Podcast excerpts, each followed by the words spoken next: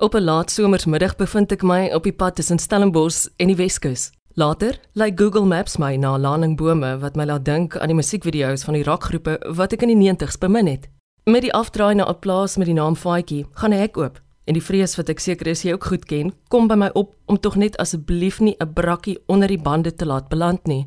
2.5 uur later vertrek ek huis toe knap voor dit donker raak. Ek wil nie vrou alleen ry as dit nie lig is nie. Dit na ek in die triespieël terugkyk op 'n middag van wilde 4x4 ritte in die geselskap van 'n ware storieverteller. Hetty Stoffberg Welleman verklaar met oorgawe: Diere is my lewe.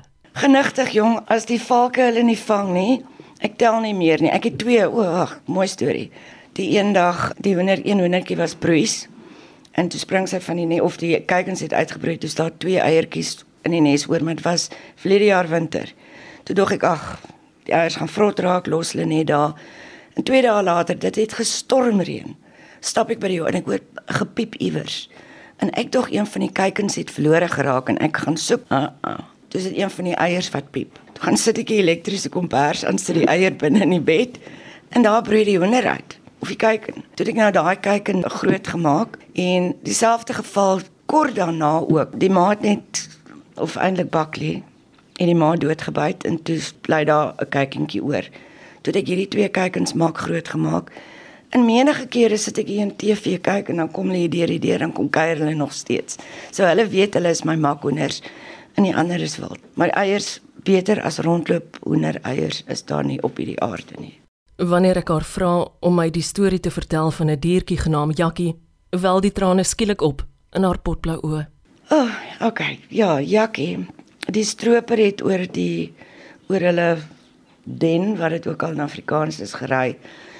En toe bel my man en my en sê vir my het ek kom hier 'n probleem. Toe ek daar kom te lê die die ma doodgery bo op die die gat sy daar kleintjies probeer beskerm. En ons hoor toe gepiep onder in die gat en toe ons dit oopgrawe toe is daar die klomp klein baba bak oor jakkalsies. Hulle oogies was nog toe ek meen hulle het individueel op my handpalm gepas. Jaag toe huis toe met hulle, ek het vir hulle 'n melkonkoksie aangemaak as ek reg onthou. Dit was ideal melk met 'n eier in wat ek bietjie verdun het en met 'n spytjie. Hulle het almal 'n kol voor die kop gekry dat ek geweet het wat ek kleer. Ek het hulle geweeg na elke ete. Dit was soos 'n ma wat 'n vyfling moet grootmaak. En elke 3 ure moes hulle kos kry. In elk geval ja, ek het ongelooflik baie van hulle geleer dat mense sien hulle nie baie nie. Hulle doen geen kwaad nie, hulle vang net insekte en uh, hulle is ongelooflik intelligent. En die mooiste mooiste diertjies wat jy kan omdink, ongelukkig. Ja, toe hulle so 3 maande oud is, toe het ek 'n uh, 'n hond wat ek gered het ook, maar hulle het my gewaarsku die hond het 'n lelike streep en ek het gedog ek gaan die hond kan help. Maar ongelukkig het sy toe nou nie tyd vir die jakkalsies gehad nie en Sy het my jakkalsies doodgebyt. Daar het enetjie oorgebly wat weggekruip het hier buite op my stoep en ek het daar toe verder groot gemaak in op vakansie eerste aand by Ograbies waterval. Toe kry ek 'n oproep van my broer toe sê jong slegte nuus, die hond het vir Jakkie ook doodgebyt. 'n Vriendin sou later Jakkie se nagedagtenis met 'n fotoboek vir ewig. Die dag toe sy vir my daai boek gee. Ek sê selfs die dag toe my pa oorlede is, ek het nie ek het nie gehuil soos toe ek hierdie boekie kry nie. Toe ek hier uitstap en ek kry al daai dooie jakkalsies hier buite rond lê, ek vir sê ek was stikkend vir weke. Um, ons het byvoorbeeld ook hier's 'n strandjeetwolf op die plaas wat ek met my eie oë gesien het. Ek het tot natuurbewaring al hier gehad. Dit was net dit was 'n snik snik snik warm dag. Ons het 'n varswater riviertjie, is eintlik gerehabiliteerde water van Atlantis wat deur die plaas loop. En uh, ek en my broer, oudste broer het staan en praat daar onder 'n boomhuis op daai stadium net gediagnoseer met kanker. En toe staan ons twee daar diep sake en praat. Toe sien ek maar hierdie snaakse dier stap so seker so 10, 15 meter agter hom verby. En uh, ek probeer vir hom verduidelik draai om kyk net. Ek sê Nico, daar is 'n strandjetwolf. En toe hy omdraai toe skarrel die die dier weg. En hulle is ook nagdiere. Jy sien hulle nie eintlik in die dag nie. En ek het toe onmiddellik jag toe huis toe en ek kom blaai in my boeke rond, my my diereboeke en wraggies. Toe is dit een. en hulle is verskriklik skaars. En toe was natuurbewaring hier by my gewees en op daai stadium was hulle besig om in daai omgewing sand te myn en toe het hulle met die die uh, wagte gaan wat die masjinerie oppas gaan gesels dis hulle nie hulle hulle sien die diere in die aande daar. En dan het ons heelwat uh, rooi katte, ons het nagdiere legio. Ons laat geen jag op die plaas toe nie. Ons het vreeslik baie steenbokkies. Hier is ook baie wat se goed met die penne, uistervarke. Natuurlik met die sand verskriklik baie molle. Dan het ons baie molslange wat net goed doen. Uh hier is wel boomslange, maar jy sien hulle nie baie nie. En dan heelwat kobras.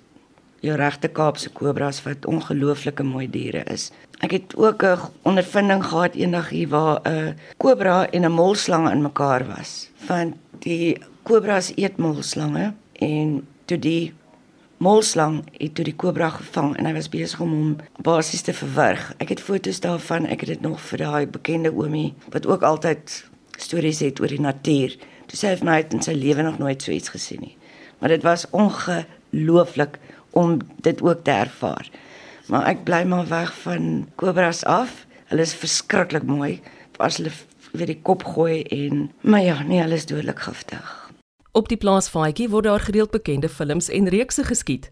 Etie is die koördineerder hiervan. Sy observeer die proses met haar eie kunsinnige oog. Dit is vir my net ongelooflik om te sien hoe mense se se kreatiwiteit werk nou in die filmbedryf en wat daai mense kan vermag. Dat jy jou beroemde akteurs maar die werklike sterre is die ouens wat die sets bou, die ouens agter die skerms is vir my meer die mense wat meer eer eintlik moet kry. Want die ou wat die rol speel hy stel stap op 'n set op doen sy ding oeps is hy weg. Maar die manne wat regtig alles daar sit wat hulle vermag is fenomenaal. Ek vra haar uit oor die vier gitare en klavier in die voorportaal van haar huis want ek speel die goed man dis nie ornamente nie Ja, ek het myself eintlik geleer gitaar speel of drie drukke geleer as kind. Ek was in La Rochelle op skool in die Parel en het vir myself bietjie verder geleer totdat ek my seun leer gitaar speel. Toe sê hy vir my jy speel old school. So ek en hy speel so 'n bietjie saam nou en dan is baie baie lekker. Ons jam so nou en dan.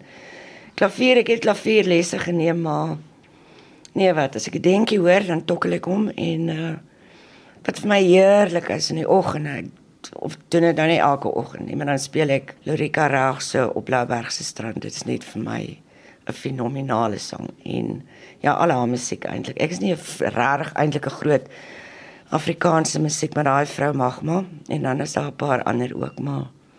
Ja, so my musiek, ek is nooit verveeld nie en uh, ek is altyd besig met iets. Op die plaas Faitjie word daar batterye herlaai deur ons Hetty. Drink rooi wyn.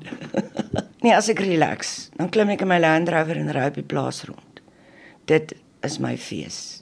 En uh dis lekker sit daar op 'n koppie en jy sien 'n bokkie hier wy en die honde draf daar rond en ek luister musiek terwyl ek daar sit. Vir alles die reën weer is en jy sit iewers na eerste reën kom en jy kry daai reuk, daai grondreuk. Daar is nie 'n parfuum op aarde vir daai eerste reën op grond vir 'n mens kan bring nie. Dit is net dit laat 'n mens ryk al is jy hoe arm, dan is jy skatryk. Ek kan onthou as kind ook as daai jare het hulle nog sulke vorige ploeg. Stap ek saam met my pa agter die, die agter die ploeg daai nat grond reuk.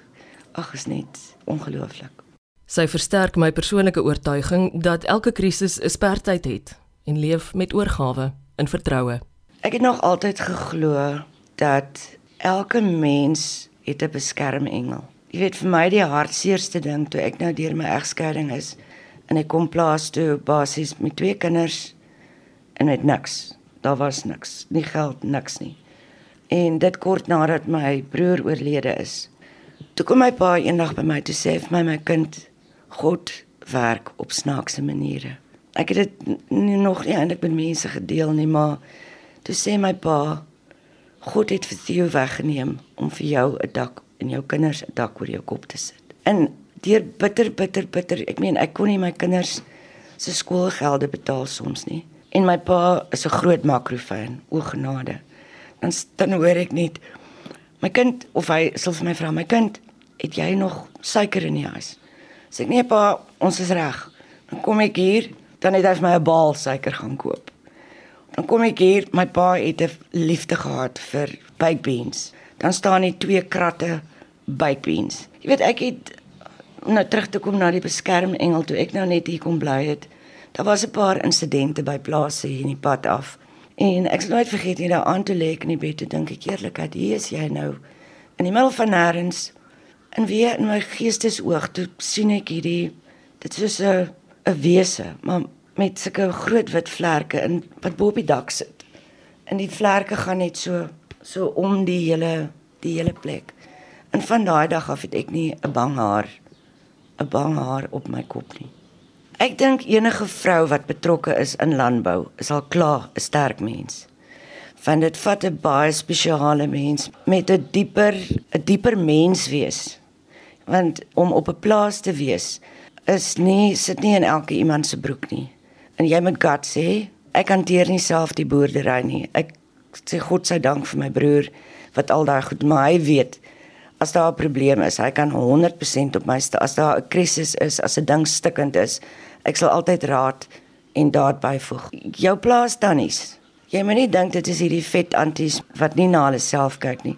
Kyk as ons vol gries moet wees en vol sand en vuil. My gepedikeerde toenaaltjies lyk nie altyd perfek nie.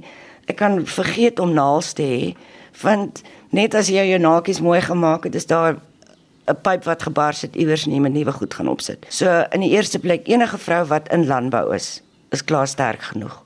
Hulle moet net in hulle self glo.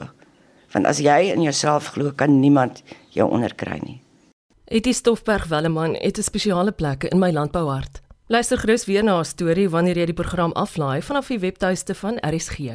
Ek is Eloise Pretorius en graag wil ek dat jy my vergun om die volgende gedagte by jou te laat hier aan die einde van nog 'n week waar die wyshede van ons landbouers 'n amulet word wat jy moontlik saam met jou kan dra. Ek kan onthou in my matriekjaar het ons 'n prosa stuk gedoen. En as ek net daai stuk werk weer in die hande kan kry. In my agterkop sit dit, ek weet dit is nou ek was 1975 in matriek in La Rochelle. In my agterkop dink ek dit was NP van Wyklou, maar ek, ek is nie seker nie. Maar dit het spesifiek gegaan oor die massa mens as jy kyk vandag jou jong mense ook. Ek het nou eendag 'n baie interessante gesprek met 'n jong meisietjie ook gehad wat gepraat het oor jou sogenaamde peer pressure in skool in die skole en toe sê ek maar as jy kyk na die samelewing, dit is nie almal wat dieselfde lyk, like, dieselfde mode volg, dieselfde haarstyl. Dis nie daai mense wat uitstyg nie. Gaan kyk na jou Einsteins, gaan kyk na Edison. Dit is mense wat uniek anders was. En dit is daai mense wat 'n verskil op hierdie aarde maak. Dit is nie hierdie klomp skape wat dit is daai een persoon wat sê maar wag, wat is agter hierdie draai? Ek wil nie oor daai bult gaan nie, ek wil eers gaan loer wat hier aangaan. En dit maak van jou 'n sterker mens om in jouself te glo en nie onder daai druk van iemand sê vir jou dit is hoe jy dinge moet doen nie. Glo in jouself, wees jouself and you will always rise above the best. Dit is my filosofie in die lewe. Die enigste ding wat vir jou skade kan aandoen, is jouself. Jy is jou eie grootste vyand. Want 'n mens soek altyd foute in jouself. Die liewe Here het ons gemaak en wie jy is, is jy, klaar.